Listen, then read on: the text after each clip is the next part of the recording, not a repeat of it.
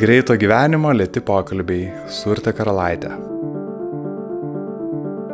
Labas, aš Urte Karalaitė ir tu klausai podcast'o Greito gyvenimo lėti pokalbiai, kur su įvairiais pašnekovais per skirtingas jų patirtis tyrinėjom vidinį žmogų, kad geriau jį supratę galėtume sklandžiau naviguoti save santykėje su aplinka, savimi, išsikeltais tikslais ar sudėtingom situacijom. Šiandien kalbuosi su Rasa Dičpetrinė, kuri yra ne tik ilgametė organizacijos Gelbėkit vaikus vadovė, bet ir mama, globėja bei empatiška ir stipri moteris. Man asmeniškai Rasa yra labai stiprus pavyzdys. Kartais pasvajoju, kad gal esame šiek tiek panašios, arba tiesiog viliuosi, kad kai užauksiu ir aš būsiu tokia atvira, tvirta, kartais klystanti, susijimanti ir drąsiai einanti toliau. Jei ir tu kartais pasvajoji kažko išmokti iš tikrai ypatingų podcast'o pašnekovų, o šitie pokalbiai tau padeda aukti, keltis, kai būna sunku ir įkvepia drąsos, raiškumo, prisidėk prie podcast'o tau tinkama kasmėnesinė suma patreon.com pasvirasis brūkšnys lėti pokalbiai. Su Patreonais turim slaptą Facebook grupę, kur epizodai jos pasiekia anksčiau, ten tariamės dėl potencialių pašnekovų, pokalbių temų ar klausimų. Prie jos gali prisijungti ir tu. Šįkart prie podcast'o draugų būrio prisijungė Vidmantas Girskas, Rūta Zajankauskenė ir Andrius Aleksandраvičius. Neseniai viena klausytoja parašė žinutę ir padėkojo už podcast'o komandos skūriamą turinį. Iš vienos pusės kiek juokinga, nes visas podcastas esu aš viena ir 99 procentus visko darau pati. Bet tuo pačiu be galo džiugu, nes podcast'o komanda esat jūs visi, kurie palaikot, klausot, remet, dalinatės. Jei sėdėčiau viena kambarį ir daryčiau podcastą, kurio niekas neklausytų, nežinau, ar būtų labai faina. Tai be galo dėkoju jums visiems. Ir žinoma, didžiausios fanfaros garso reklamos studijai Dropaudija, kurie rūpinasi pokalbių garso kokybę, bei Vilniaus universiteto radio stočiai Start FM, kurie dalinasi savo studiją ir įrangą. Start FM yra nepelno siekianti radio stotis, kurios gali klausyti Vilniuje FM dažniu 94,2 arba internete adresu startfm.lt. Šokime pokalbį su Rasa. Gero klausimo. Labas, Rasa. Labas. Labai smagu, kad e, lietus nenuplovė ir pavyko atkeliauti. Aš įžangoje pristatau, kuo užsijimi daugybę metų ir kažkaip gal ir pradėti norėtųsi nuo to, kad e, sutinki tikrai daug įvairiausių šeimų iš visos Lietuvos ir e, įvairių sunkumų tos šeimos patiria, nuo priklausomybių, skurda, socialinių įgūdžių trūkumas ir, ir vakar man žinutę parašy, kad daug iš jų išmoksti. Ką tos šeimos, kurios atrodo galbūt uh, sunkiau gyvena nei mes, visgi tau, tau duoda irgi ir parodo kažką.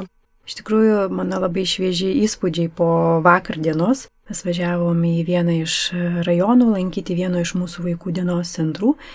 Ir šeimos šeimą mes jau globojam šešerius metus. Ir tik dar kartą įsitikinau, kokia tai yra nuostabi mama, nežiūrint į iš tikrųjų didžiulį skurdą, nežiūrint į jos tikrai labai skaudžią gyvenimo patirtį. Ta mama šešerius metus pažįstu ir aš galvoju, kad aš tokiom sąlygom, aš nežinau, aš savaitės turbūt neišgyvenčiau. Nes jinai augo daugia vaikiai šeimoje ir ten tikrai nebuvo nei daug meilės, nei daug supratimo ir, ir buvo daug e, kaip tik negerų dalykų ir po to taip jau susiklostė jos gyvenimas, kad jinai E, susilaukė keturių vaikų, o, o jos vyras e, nuėjo priklausomybių keliu ir jinai tiesiog susirinko visus savo tos keturis vaikus ir išėjo. Ir tokioj trobeliai mes prieš to šešerius metus vidury laukų, vidury Lietuvos radom tą šeimą. Ir tada, kaip jinai gyveno su tais vaikais, kai ir žiūrkės į lovą skrisdavo tiem vaikam ir visiškai avarinė troba ir ten e, nei vandens, nei tualeto nieko ten nėra, tik tai viskas laukia. Ir, ir kai žiemą jam reikėdavo atsikasti tą kelią iki iki mokyklinio autobusiuko ar apsigint nuo neprašytų svečių tai moteriai tiesiog su kirviu rankose ir pasakymu, kad aš jūsų į trobą neįsileisiu ir prie savo vaikų irgi neprileisiu ir su jumis negersiu. Na, va tokia va ta realybė. Prieš to šešis metus ir perkraustėm visą tą šeimą, mamą su tais keturiais vaikais į, į miestelį, kur, kur yra normalus takelis į mokyklą, kur jie atsigavo, kur jie suprato, kad jie irgi gali gyventi kaip visi kiti, vaikai, kaip visi kiti žmonės Lietuvoje. Ir iš tos mamos, va jos didžiausia svajonė buvo turėti karvę. Nes jeigu tu turi karvę, tai tada tavo vaikai nebadaus. Ir jinai išsimokėtinai nusipirko karvę prieš gerus ketverius metus ir dabar daro patys skaniausią baltą sūrį visoje Lietuvoje. Ir aš vakar įvalgiau ir galvojau, nu, bet aš nemokėčiau tokio sūrio pasidaryti ne už ką, aš karvės nepamelščiau. Aš nesuprantu, kaip, kaip galima vis dar Lietuvoje gyventi, kai vanduo yra šulny ir dabar jinai iš paskutiniųjų susitaupo, dirbdama pagalbinius darbus, kad, kad įsirenktų normalų dušą vaikams ir tie pagalbiniai darbai yra, nu, va, kaip jinai ir sakė, renku akmenis, raviu kanapės, prižiūriu kitų žmonių vaikus, nes jo, jos vaikai jau yra paaugliai. Ir vakar žiūrėjau ir, ir tie paaugliukai, vienas berniukas, jau 17 metų, mergaitės paauglės, viena jau 18 metų, toks yra didžiulis ryšys tarp mamos ir tų vaikų. Ir va, kaip sako, kad paaugliai, tai čia su jais susišnekėti neįmanoma. Ir va tokiom sąlygom, kaip jie gyvena, jei sugebėt išugdyti tokią betarpišką meilę tiek tarp brolių seserų, tiek tarp jos pačios, aš žiūrėjau ir aš galvojau, aš, aš nežinau, kaip jinai sugeba tą padaryti. Ir va tokia ir grįžau ir galvojau, o, o kaip mes čia va gyvenam va Vilniui mūsų gražiam. Aš įsivaizduoju, kad istorijų ir pavyzdžių būna ne tik tai tokių gražių ir, ir žmonės, na, ypatingai galbūt pakliuvę į bėdą dėl savo gerovės, galbūt kartais ir nori ir manipuliuoti, ar ir kažkokio tai savo gero gauti ir kitų sąskaitą kas padeda atrasti tą pasitikėjimą žmogumi ir atskirti gerus ketinimus turinti žmogų nuo, nuo blogų? Žinai, 12 metų dirbu šitą darbą arba gyvenu šitą gyvenimo būdą, nes man tai tikrai nedarbas, nes, nes tai negali būti darbu, nes tai yra 24 valandos per parą. Aš niekada nepajutau jokios manipulacijos, bet aš ateinu visiškai atvirom akim ir atvira širdim pas juos. Aš manau, kad tai nepaprastai daug priklauso nuo to, koks tu pats ateini pas tuos žmonės. Aš ateinu visada žiūrėdama į juos kaip į pavyzdį, kaip dažnu atveju tikrai labai sunkiom ir, ir, ir tas, tas skurdas jis yra persismelkęs į kiekvieną plyšį jų, jų kasdienybei.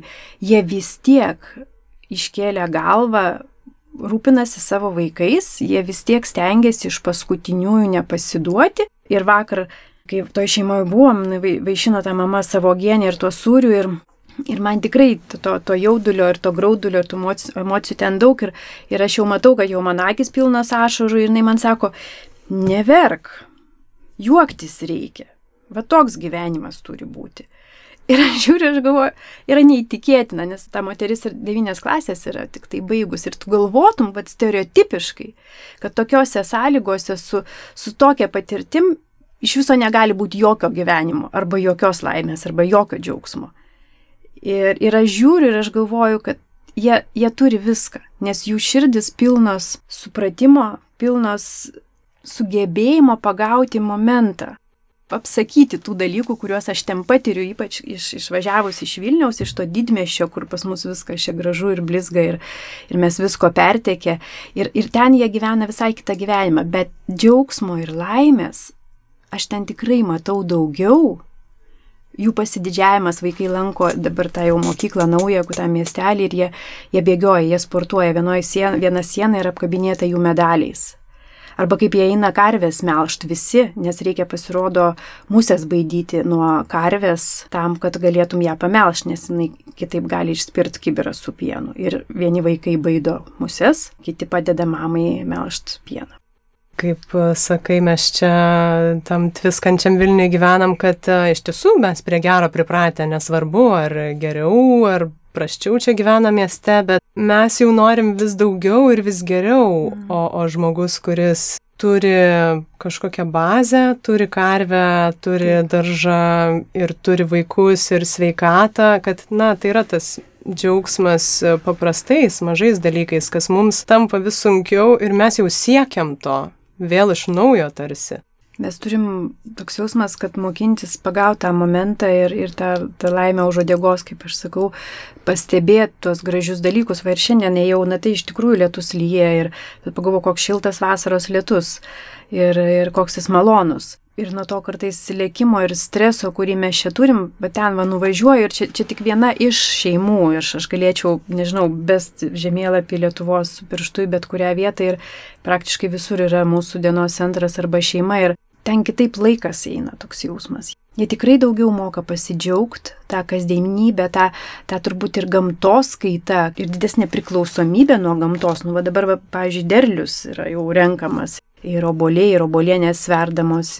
Kitaip su gamta, lėčiau, daugiau besidžiaugiant, daugiau pastebint kiekvieną tą nuostabią akimirką, nes, na, iš kitos pusės, iš ko tas gyvenimas susideda iš tų mažų gražių smulkmenų. Ir to samoningumo galbūt ten yra net daugiau, mes vėlgi, na, generalizuojant, bet mieste jau čia siekiam mokytis samoningumo iš naujo. Taip ir emocinio intelekto, o, o vat pasakai apie šeimą, kur mama devynios klasės galbūt Taip. baigus ir jinai kažkaip intuityviai išjaučia tuos dalykus išjaučia ir, ir tas jos berniukas, kuriam 17 metų jisai su kapišonu sėdėjo, užsidėjęs kaip, kaip tikras jau toks paauglys, ir, bet jis glaudėsi prie jos. Bet tu šito niekaip kitaip nenupirksi, tai yra antiek tikra, bet tas santykis su vaiku, tas betarpiškas ir, ir tam nereikia nei pinigų didelių, nei kažkokios didžiulės prabangos. Tai yra čia ir dabar ir tas ryšys yra na, brangiausias dalykas Žemėje. Tu mini visgi, kad būna tose šeimose, na, ir kažkokių disfunkcijų, ir, ir priklausomybės, ir nebūtinai sveiki santykiai. Be abejo, ne tik ten to būna.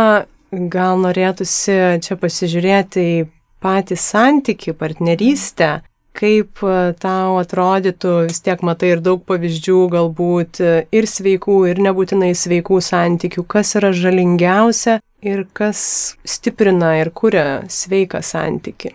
Aš turiu kitą labai gražų pavyzdį iš kitos šeimos, kur tėvas ir mama ir, ir, ir du vaikai, ten kažkoks stebuklas tie berniukai yra, jie yra matematikos olimpiadų nugalėtojai. Mums pavyko į tą jų mažą trobelį, tą kaimelį atgabenti pianiną ir jie iš klausos sugeba, pati atsisėdo ir keturiom rankom praktiškai sugrojo didžiausią kūrinį. Ir jų tėvai išbrido iš labai didžiulio gilaus alkoholio liūno dėl vaikų. Ir vėlgi aš žiūriu į, į tą šeimą, į tą pavyzdį ir vėl kalbam apie kitą Lietuvos rajoną, vidury laukų, troba ir, ir ta šeima netgi neturėjo vandens, iš viso vandens. Ne tai, kad šulny vanduo, bet šulny vanduo seniausiai išdžiūvęs ir jie su bidonais veždavosi vandenį iš e, kaimynų. Tai vad mes šnekam apie tokias sąlygas.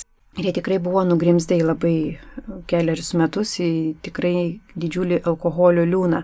Ir atrodė, kad, e, na, beviltiška, nes iš tikrųjų yra pavyzdžių, kai žmonės nebūtinai išbrenda iš to liūno ir, ir čia aišku dar yra ir kita pusė, kai mes tuos žmonės atstumėm, kurie turi alkoholio priklausomybę ir aš žiūriu tai kaip į, į lygą ir tas mūsų atstumimas, toks stereotipinis vėlgi, kad nu, jie geria ir čia prasigers ir čia nieko nebus.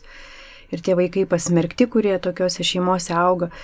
Iš kitos pusės šitų žmonių pavyzdys man parodo, kad įmanoma atsitiest. Jie vieną dieną tiesiog pasakė stop ir nuo to karto nebepaėmė e, nei vieno lašo alkoholio. Ir atsitėsi dėl vaikų.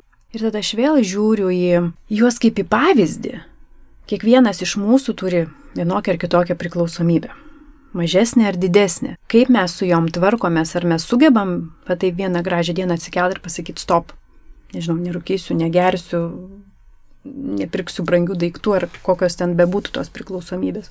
Aš turiu priklausomybę saldumynam, aš net nebandau nustoti. Gerai, galbūt čia ne, ne pats geriausias palyginimas, bet vėlgi aš juos žiūriu ir galvoju, kokia turi būti geležinė valia, arba iš kitos pusės kokia didžiulė motivacija sustoti ir pakeisti gyvenimą, pakeisti tokią įsisinėjusią priklausomybę dėl vaikų. Ir yra stebuklas žiūrėti tai, kaip jie atsitiesinėja, kaip jie kabinasi tą gyvenimą. Mes vėlgi padėjom šitai konkrečiai šeimai, mes padarėm vandens grežinį, jie dabar turi vandenį. Džiaugsmas, aš nemoku perteikti. Mama skambino ir verkė, sako, mes vandenį turim, vaikai grįžo iš mokyklos, jie pamatė tą bėgantį vandenį, sakė, jie krikštavo iš, per visą kiemą iš laimės, sako, mama, negali būti, kad mes turim savo vandenį. Ir aš kalbu apie Lietuvą, ne apie Afriką. Kiekvienas susitikimas man tai yra, nežinau, didžiulė mokykla, didžiulė pagarba tiem žmonėm ir suvokimas, kad na, iš tikrųjų, kiekvieno žmogaus galimybės yra beribės, mes nebent patys uždarom save į tam tikrus rėmus ar dėžutės ir ne, nesiekiam tokio tokio geresnio gyvenimo. Ta mano mama su keturiais vaikais, jinai, kai vaikus reikėjo išleisti ekskursiją mokyklai, neturėjo pinigų. Tai žinai, ką darė? Vaikščiojo ir surinko metalo laužą iš aplinkinių pakrūmių, pamiškių ir taip toliau pridavė ir jos vaikai važiavo į ekskursiją. Bet įdomu, kas motivuoja, na, mes visi kažkiek esam susidūrę ar su tikrom depresijom, ar su neviltim mūsų situacijose kažkokiose probleminėse. Ir čia yra dar sudėtingesnės Taip. galbūt sąlygos. Tos nevilties ten irgi be abejo būna turbūt momentų. Gal vis tiek pastebi, na, vaikai yra viena motivacija, kur be abejo yra atsakomybė, meilė. Kas dar juos tempia už ausų? Neturiu vieno atsakymo iš tą klausimą, šį savo labai irgi dažnai užduodu. Nežinau, gal tas išgyvenimo instinktas, tas šiuo atveju gal mamos instinktas pasirūpinti vaikais geriausiai, kaip jinai išgali. Ir ta kova už būvį, uh, už, iš principo už kasdienį duonos kasnį, jeigu jau taip paprastai pasakyti. Man taip atrodo, gal kiekvienai mamai tai yra, na taip nepaprastai svarbu, kad tavo vaikas turėtų ką pavalgyti. Dar norisi pažiūrėti ir vaikų auklėjimą, kadangi ir pati esi mama ir dviejų vyrų skirtingo ganėtinai amžiaus ir anūkų yra. Žinau, kad pirmas tavo sunus yra vyresnis. Na, jūs kaip šeima augote kartu žymiai anksčiau. Dabar yra, na, besikeičiantis tokie modeliai auklėjimo įdomu pažiūrėti, kaip skiriasi tau pačiai galbūt, na, požiūris į vaiko ir augimą, ir ryšį, kaip mamos su vaiku šiek tiek anksčiau ir dabar. Urtė palėtė jautrę temą, kai prieš 12 metų apsisprendžiau išeiti iš verslo ir, ir pasukti savo darbinį gyvenimą visai kitą linkmę ir nuėjau dirbti gelbėkit vaikus organizaciją, aš turėjau labai labai labai aiškę viziją koks yra siekis mano, kad Lietuvoje tėvai nemuštų savo vaikų. Ir žinai, per tą 12 metų buvo ne vienas ir ne du momentai, kai aš būdavau visiškai, taip nusvirdavo rankos, taip atrodydavo beviltiška, kad tai yra nei, misija neįmanoma ir, ir neįvykdoma. Ir, ir tada, žinai, ką aš savo sakydavau, jau, kai visai, visai būdavau pikta ir verkdavau ir viską, kad jau geriau būtų mane tėvai mušę. Nes aš užaugau nemušta, aš, aš šventai tikėjau ir aš nesusidūriau savo vaikystėje su pavyzdžiais kitų vaikų draugų ar klasiokų. Aš iš tikrųjų užaugau galvodama, kad vaikų niekas nemuša. Kol aš gatvėje nepamačiau, kaip mama muša vaiką, tokią mažą mergaitę, gal kokie keturi metai buvo iš visų jėgų ją trankę. Nes iš tikrųjų prieš mane niekada niekas nepakėlė rankos, aš nepatyriau absoliučiai jokio psichologinio uh, ar emocinio smurto ir, ir nieko netarti to. Ir kai aš susivokiau, kad toli gražu taip nėra, kai aš pradėjau domėtis ir supratau, kur mes gyvenam ir, ir, ir kad gerai čia ne tik Lietuvos, aišku, problema, čia yra viso pasaulio problema. Tai tada atsirado ne, nežmoniškai didžiulė motivacija pabandyti, pad, nu, ką vienas žmogus gali padaryti. Ir kaip aš sakau, vienas žmogus nieko negali padaryti, iš kitos pusės jis gali nepaprastai daug padaryti. Kai tu manęs klausai apie vaikų auklėjimą, tai jeigu jau mes paklaustumėm psichologų, tai ką jie pasakytų, kad jeigu mes visiškai negalvojam, kaip mes auklėm savo vaikus, tai mes juos auklėsim taip, kaip auklėjo mus mūsų tėvai. Nes pas mus tai įrašyta į kraują, nu, jeigu jau labai paprastai išnekėt. Tai aš taip ir auklėjau, nes manęs niekas nemušė, manęs niekas neskriaudė, manęs niekas negazdino. Aš turėjau labai aiškius rėmus atsakomybių, bet tai buvo visiškai kito lygio santykiai. Tai buvo pagarba grįsti, tai buvo atsakomybė grįsti santykiai, tai buvo begalinio kalbėjimo, atvirumo grįsti santykiai. Ir, ir aš lygiai taip pat savo vyresnį sūnų, kuriam taip šiemet bus 30 metų ir jis jau turi du vaikus, dvinukus, uh, jį taip pat auklėjau tiesiog natūraliai. Mažesnį, kuriam dabar jau 12 metų, Taip, skirtumas galbūt yra tame, kad e, vyresnį aš automatiškai auginau taip, kaip augino mane, mažesnį aš jau, ne, aš jau sąmoningai auginau. Tikrai sąmoningai galvodama, bet vėlgi pagrindas tai atėjo iš, iš to, kaip, kaip aš buvau auklėta, kaip aš bendravau su vyresniuoju sunum. Tai man tiesiog natūraliai tai gaunasi.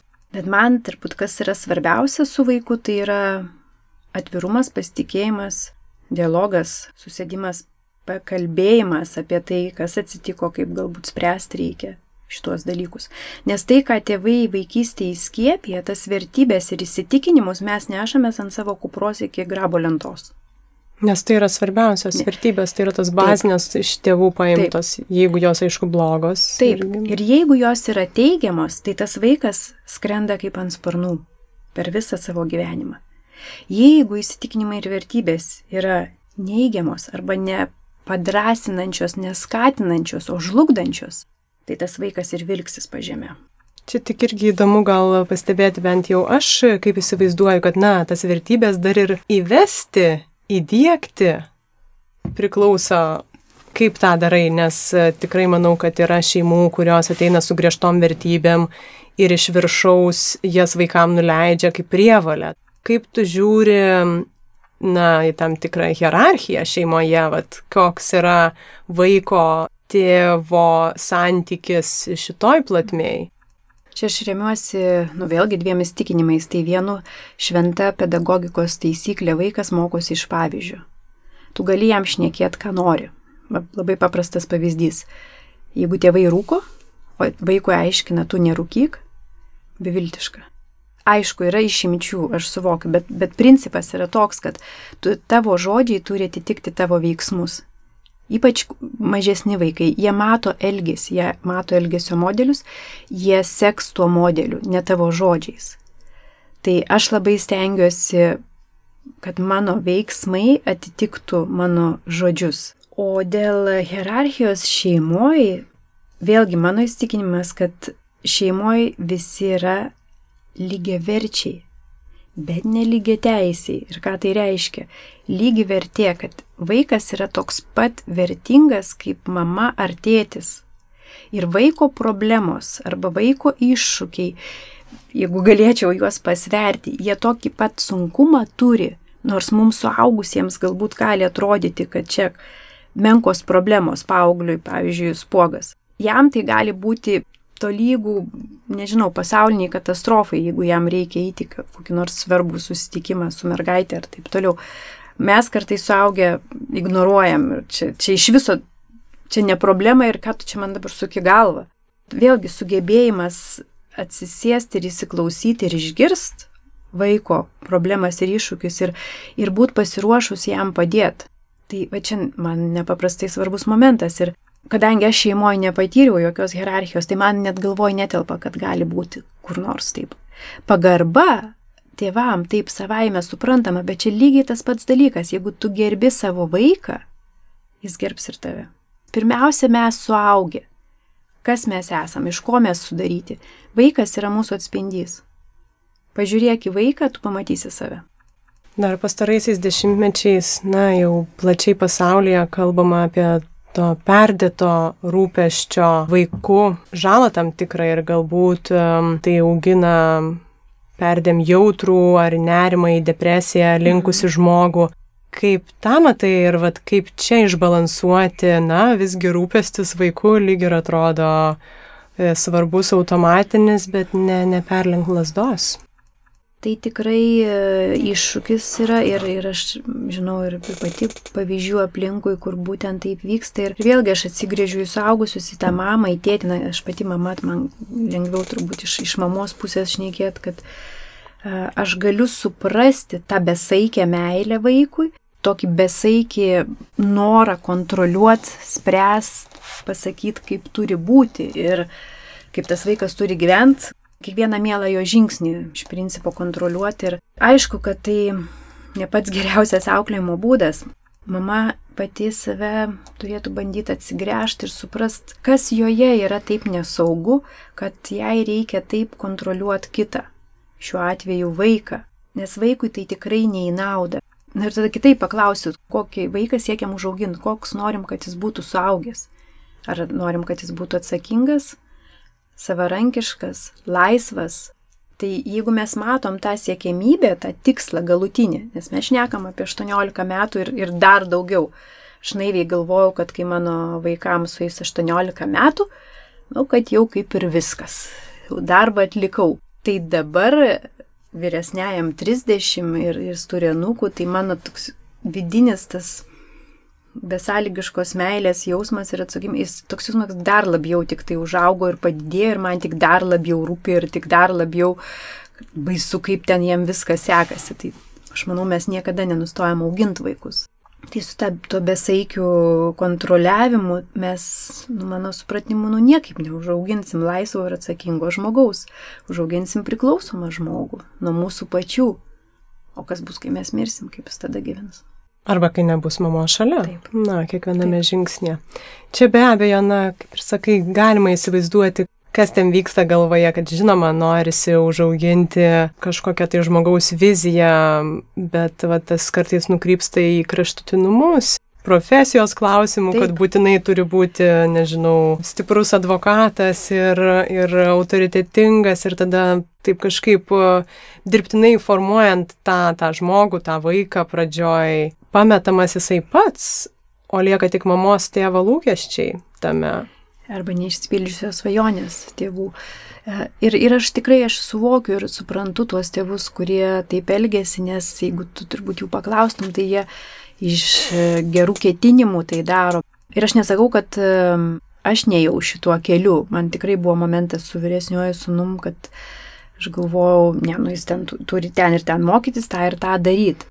Kaip tik tėvų didžiausia atsakomybė sugebėti surasti savo vaiko talentą ir jį puoselėt, ką jis geriausia gali daryti, ką jam labiausiai patinka daryti ir kaip jį skatint, kaip jį augint. Paprastas pavyzdys, į ką mes aišku labai visi linkę, kad jeigu, sakykime, vaikui nesiseka e, matematika, bet e, nuostabiai sekasi lietuvių kalba ir rašinėlius rašyti ir eilėraščius kurt. Tai dažnu atveju mes turbūt e, papildomą mokytoją samdysim matematikai, vietoj to, kad papildomą mokytoją samdyti e, lietuvių kalbai, kad ugdyt tą jo talentą, padėti užaukti su juo, suvokti tą talentą tam vaikui, o tą matematiką jis išvilks iš paskos. Tikrai pats, nes jo motivacija, jo širdis, jo aistra gyvenimui yra ten, kur va, ta prasmė jo gyvenimo, kur tas talentas. Jeigu mes sugebėtumėm kiekvienam vaikė pastebėtai laiku ir ugdyti ir auginti, tai kaip gėlė išsiskleistų vaikas. Mhm. Čia tikrai ir to pastabumo ir kažkaip pati įsivaizduoju, na ir iš savo patirties visgi su tėvais augau, kad um, ne kažkokio tai nurodymo, mhm. Ką mes turime daryti ar mokytis, bet kažkokių krypčių, nu, nukreipimų, truputį į vagą kartais įvesti, kad to tarsi ar iš tėvų, ar iš mokytojų norisi labiausiai, man atrodo, toks santykis su autoritetu vertingas yra. Dar aš noriu priartėti, kadangi tavo patirtis labai vairios ir dirbi su sunkumu patiriančiam šeimom ir vaikais ir globoji vieną merginą jau dabar visai e, ilgai. Tai yra dar kitoks santykis. Na, iš kitos aplinkos e, atėjo žmogus, kuris artėja ir prie jūsų šeimos. Ir čia įdomu, kas padeda suartėtis kažkuriam prasmėm ir pažįstų žmogum, ypatingai jeigu praeitie ta šeima sudėtinga buvo. Ir kas čia sunkiausia yra šito naujo santykio kūrime? Jeigu pagalvočiau per visą savo gyvenimą, kokia pamoka buvo pati sunkiausia, arba patirtis, kuri pareikalavo nežmoniškos kantrybės, labai labai daug pokalbių pačiai su savim ir susivokimo ir e, tokio net kartais begalinio skausmo išgyvenimo, tai, tai iš tikrųjų patirtis su tą mergaitę, kaip sako, kaip išgyveni gyvenimo universitetą. Tai, tai man tai buvo ir e, kažkuria prasme galima sakyti dar vis yra sunkiausias, jautriausias, skaudžiausias, bet e, tuo pačiu nepaprastai prasmingas gyvenimo universitetas. Nuo to, kad uh, jinai norėjo nusižudyti, nuo to beviltiškumo jos akise, kai, kai tik prasidėjo mūsų draugystė, nusivylimų gyvenimu ir suaugusiais. Ir tokių vaikų labai gaila, bet aš labai daug Lietuvoje matau, kai važinėjau po globos namus. Nuo to vat skausmo, kurį toks jaunas žmogus jau yra patyręs, Dabar šiuo metu, beje, tu žinai, ką jinai daro? Jinai aplink Montblaną. Viena? Viena. Kai mes tik pradėjom draugauti, jinai, jinai vos iš stoties iki, iki gelbėkit vaikus ofiso galėdavo ateiti ir jinai sakė, kad jinai gyvenime Vilniuje negyvens. Ir dabar jinai viena išėjo į dešimties dienų žygį 170 km per kalnus, link Montblaną, viena iš gražiausių pasaulio kelių. Bet čia aš teisingai suprantu, jinai pati taip nusprendė. Čia, na, jos. Jinai taip, Mhm. tai yra jos. e, Aš jai tik kažkada parodžiau nuotraukas to kelio. Čia mes šnekam apie šešių metų laikotarpį nuo to, kai jinai netikėjo nieko gyvenime, iki to, kad jinai dabar e, keliauja viena, kad jinai, kad jinai nepaprastai sustiprėjo, kad jinai labiau pasitikė savim, kad jinai gali žengti tuos žingsnius jau savarankiškai, kad jinai turi šuniuką, kuriuo rūpinasi. Čia turbūt mano tokia yra, kad jeigu tik tai man kas nors duotų visišką laisvę, tai mano pilni namai būtų vaikų ir šunų. Dabar pati turiu du šunis ir, ir jinai atvažiavo pas mus pirmą kartą bijodama šunų. Jinai tiesiog jų bijojo. Dabar jinai nesiskiria su savo tuo šuniuku, kurį pa- paėmė iš, iš šuniukų prieglaudos. Ir mes irgi čia turėjome momentą su ją. Jis sakė, aš noriu šuniuko ir aš jai pradėjau sakyti, nu bet tu pagalvok, kokia čia atsakomybė ir, ir čia reikės rūpintis ir čia yra ilgam laikotarpį ir, ir tada mes taip jau vos ne ant susipykimo ribos. Nu, taip jinai mane į vietą pastatė, kad, sakė, kaip aš išmoksiu ką nors mylėti ir kuo nors rūpintis, jeigu aš neturiu kuo. Tai tą pačią dieną mes nuvažiavom prie glaudą ir jinai išsirinko tą, ką jinai norėjo. Mano kitas klausimas iš tiesų visiškai prie to paties prieina, nes yra toks e, gal netiesioginis pasakymas, kad to, ko net, neturi, negali duoti. Ir čia vat, galvojant irgi apie tėvystės įgūdžius ir žmonės, kurie užaugo ar e, disfunkcinėse šeimose, ar, ar globos įstaigose, ar įmanoma ir kaip išsisukti visgi iš tų vat ratų tau pažįstamų elgesio modelių ir mokytis kurti tą naują sveiką santyki. Nes čia turbūt, ką pasakoja ir yra puikus pavyzdys, kad po žingsnį tai vyksta. Tikrai įmanoma. Pati tą matau, pati tą išgyvenu. Gal vieną momentą norėčiau dar pasakyti kad aš tiesą pasakius nežinau, ar pažįstu žmogų, kuris šeimoje vienaip ar kitaip visgi nebuvo pažeistas. Nu gal čia per stiprus žodis, bet e, visi mes atkeliaujam su savo iš vaikystės, paauglystės su tam tikrom patirtim, kokia ta graži vaikystė bebūtų, mes vis tiek atsinešam dalį skausmo. O gal tai iš tikrųjų tiesiog žmogaus prigimtis. Ir kiekvienas tą savo skausmą, tą savo žaizdą skirtingai gydomės. E, Vaikais, kurie auga globos namuose, su kuo aš pati esu susidūrus ir, sakykime, mano tos globojamos mergaitės atveju, vienam kelią, vieną vaistą gydyti tai žaizdai aš atradau turbūt ir suvokiau. Labiausiai padėjo ir padeda tada, kai aš pasakau, kad jinai yra man labai labai svarbi. Rūpesti jausti, kad kažkam Taip. esi reikalingas. Ne apie keliones, ne apie daiktus, ne apie... Aš sakau, atmesk viską, tu lieki nuogas toks, koks tu esi. Ir tada tu klausimai, kas tu esi ir kas yra šalia tavęs. Kas tas artimas žmogus, kuriam tu esi svarbus. Besąlygiškai. Besąlygiškai priimti kitą, va tokį perkeltinę žodžio prasme nuogą, su, su viskuo, su visom žaizdom, su visom baisiom ir nebaisiom gyvenimo patirtim, su visais pykčiais, su viskuo. Jeigu mes turim tokį žmogų, mums yra lengviau keliauti per šitą gyvenimą.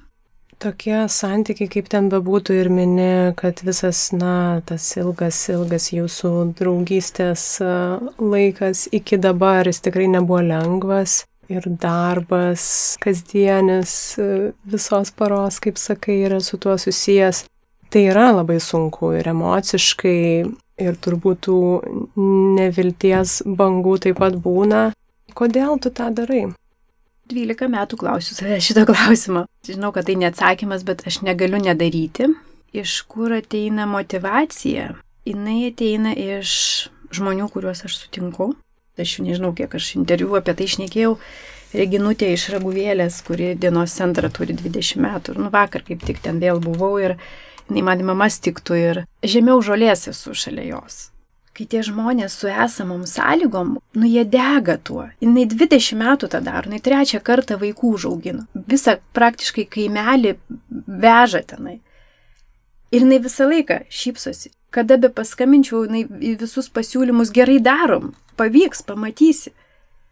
Tai kai man nusvyra rankos, tai aš žinau, kad man tik reikia nuvažiuoti, man tik reikia iš Vilniaus išvažiuoti pas, pas tuos žmonės. Ir aš tokių pavyzdžių turiu Lietuvoje, kad nežinau, kiek knygų galima būtų parašyti, kaip jie iš nieko padaro stebuklus, tikrąją tą žodžio prasme, dėl kitų. Tas esminis momentas ir yra, kai tu suvoki, kad didžiausia laimė ir prasmė yra kitam. Ištiest tą ranką, kai jos labiausiai reikia, pasakyti, pabūt šalia, išgirst, išklausyt, priimt ir tada tu matai, kaip žmonės kaip gėlės skleidžiasi. Kartais reikia tiek nedaug, kad net neįtikėtina. Ir dažniausiai to už pinigus nenusipirksi. Dabar jau po tų 12 metų aš suvokiu, kad ant tiek yra tinklas išaustas ir tų žmonių, ir tų patirčių, ir jau nebeišeina sustoti, nes aš žinau, kad aš iš jų pasisėmiu tą energiją ir tą gėrį ir tą gyvenimo prasme, bet, bet jie lygiai taip pat ir iš mūsų semėsi. Ir va taip ir sukasi tas ratas, toks gerumo ratas ir tą energiją, nežiūrint to skausmo ir tų karčių emocijų, tikrai aš jas nešiojos, jos niekur nedingsta iš manęs, bet tas gerumas jis yra ženkliai stipresnis. Jis viską nuplauna, kaip tos vandenino bangos. Ir tu vėl eini ir darai, Ir aš žinau, kad kai man blogai, kai aš jau praradinėjau viltį ir norą apskritai ką nors daryti, aš pagalvoju apie Reginą, aš pagalvoju apie kitas moteris ir, ir vyrų irgi yra nuostabių tuose mažuose miesteliuose. Ir tada stojas ir eini ir darai toliau, nes negali sustoti, nes jie žymiai daugiau metų yra nesustoję. O yra kas nors, ko bijai? Daug dalykų. Per 12 metų buvo tokių momentų, kai aš buvau pasiekus lygį, kur aš pati savęs bijojau ir savo šešėlio, aš bijodavau išsižiot, nes aš niekad negalvojau, kad galėtų būti tiek daug e, gazdinimo, tiek daug grasinimų dirbant tokį darbą, tiek daug pykčio ir neapykantos. Ir, ir aš tikrai turėjau nepaprastai sunkių momentų, kai net ir artimi žmonės praktiškai nusisukė buvo nuo manęs ir palaikymo jo tikrai nebuvo. Ir tada buvo tikrai didžiulis puolimas mūsų organizacijos iš išorės. Ir tada tikrai būdavo momentų, kai aš savęs pati bijojau. Tai va čia va tie momentai, ypač kai aš savo sakydavau, jau geriau mane būtų mušę. Nu tada būtų viskas normalu. Čia va muša, nes tu kitaip negali vaikų užauginti ir aš neturėčiau viduje to savo tokio įsitikinimo, kad, kad tai yra labai neteisingas kriaust mažesnį. Ir man tikrai reikėdavo ne, nepaprastai daug pastangų atsitiest, ir toliau eiti šituo keliu. Kas čia yra tas stuburas, aš įsivaizduoju vis tiek, na, jis auga turbūt irgi pamažu ja. ir per, per šitą laiką atradai kažkokius gal ir tiesioginius, ir, ir praktinius dalykus, kas padeda, kai gal ir pradedi dvėjoti, kad gal aš negerai čia kažką darau, ar nevertinga, ar neteisingai grįžti į savo vėžės. Tikėjimas, bet tikėjimas žmonėmis konkrečiais žmonėmis, jų pavyzdys, jų įkvėpimas ir jų palaikymas, kartais netgi netiesioginis, bet tai yra žmonės, tai yra tikros istorijos, tikri pavyzdžiai ir, ir vėl aš aišku grįžtu į, į Lietuvos kaimus ir regionus, į, pas tuos žmonės ir aš galvoju, jiem dar šimtą kartų blogiau.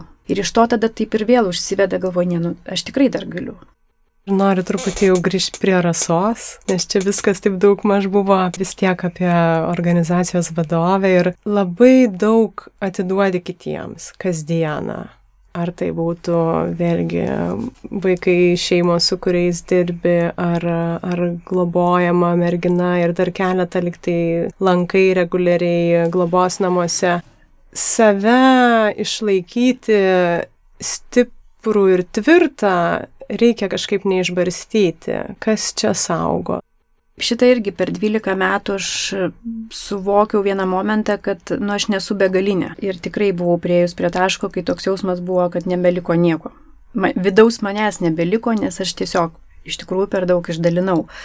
Ir tada aš pradėjau po mažą gabalėlį bandyti save susigražinti ir susilipdyti tą vidų atgal arba tiesiog surankiotas išsisklaidžiusias dalelės. Galbūt lengviau pasakyti šiai dienai, tai, na, kaip skambėtų paprastai, bet meditacija ir joga toks labai, kaip sakyčiau, žemiškas dalykas. Miškas, be miško negaliu gyventi. Aš, Aš, aš turiu eiti, aš turiu matyti medžius, aš turiu matyti besikeičiančią gamtą. Man labai pasisekė, kad aš gyvenu vietoje, nu, aš praktiškai miškuosi gyvenu, aš bet kurią pusę, kur einu, aš turiu mišką ir, ir man ta kiekviena žibutė pavasarį laukiu, aš žinau, kurioje vietoje jinai pražįsta pirmoji. Tai tas pabuvimas su savim miške ir išgirdimas savo širdies plakimą, man, be šito negalėčiau gyventi. Kalnai. Čia nežinau, kas man smegenyse ar širdį susisukė, bet uh, yra desperatiška. Aš, aš, aš turiu pamatyti kalnus kiekvienais metais, aš turiu užlipti kalną. Aš aukščio bijau, tai čia toks fenomenas. Beje, atradau per paskutinius, turbūt, nu va irgi, turbūt penkerius, šešerius metus pusmaratonius. 21 km. Ir va, rūpiučio, ne, rugsėjo 8 bėgsiu 8 pusmaratonį jau savo pasisakiau, kad tai bus paskutinis. Nes lipimas į kalną arba tas pusmaratonio nubėgimas tai yra tai, kas šimtų procentų priklauso tik nuo manęs. Man turbūt atsvaros darbe, vat, ko labai reikėjo, kažkokio tokio dalyko, kur tas tikslas, kur aš viena pati galiu. Jis yra labai aiškus, aš žinau, kad aš jį pasieksiu, aš jį pasiekiu, aš žinau, kokio reikia proceso, kad pusmaratonio neatsistos ir nenubėgs taip paprastai, aš žinau, kokiu man reikia pastangų visame mano gyvenime atrasti dar laiko ir bėgiot. Bet iš kitos pusės tai yra kad aš matau rezultatą labai aišku. Ir procesas tiek lipimo į kalną, tiek bėgimo yra, tu nori, nenori, tu esi su savimi ir su savo mintim ir su savo galimybėm. Tai kalnai, bėgimas ir ėjimas. Ėjimas turbūt yra tai, kas labiausiai nu, nuramina ir, ir surenka tas dalelės į visumą. Tai Rasa, ačiū labai ir už mintis, ir už atvirumą. Ir aš linkiu va, to balanso ir su tuo bėgimu, ir dalinimusi su kitais nepamesti, ir tikėjimo be abejo niekada neprarasti. Ačiū labai. Ačiū, kad klausėtės. Tai buvo tikrai labai stiprus pokalbis. Ašaros blizgėjo abiejų mūsų akise ne vieną kartą. Ir jos tikrai nebuvo skausmo ar liūdėsio ašaros. Kažkaip be galo stipru ir gera suprasti ir rasti to tikėjimo pačiose net juodžiausiose situacijose. Ir galbūt tai kažkiek įkvepia mus truputį lengviau ir drąsiau žengti savo kažkokiose kasdienėse sudėtingose situacijose. Tikiuosi ir jums kažkokį pėtsaką šitas mūsų pokalbis paliko. Jeigu jums patinka tai, ką girdite ir šitie mūsų pokalbiai, nepraleiskit naujų epizodų sekdami podcastą Instagram ir Facebook paskyrose arba prenumeruodami jį. Priminsiu, kad prisidėti prie podkasto gyvavimo gali patreon.com pasvirasis brūkšnys lėti pokalbiai. Kiekvieno prisidėjimas yra podkasto žingsnis pirmin, bet to jis tiesiog negalėtų judėti. Podcastas įrašytas Vilniaus universiteto radijos stoties Start FM studijoje, o Start FM gali klausyti Vilniuje FM dažniu 94,2 ir internete adresu startfm.lt. Šis bendruomenės kūriamas radijas transliuoja alternatyvę muziką, kultūrinės ir šviečiamasias laidas bei organizuoja mokymus. Be galo ačiū visiems, be kurių podcastas tiesiog negalėtų aukti. Su jumis buvo podcastas Greito gyvenimo lėti pokalbiai ir aš, Urte Karalaitė. Iki kitų kartų.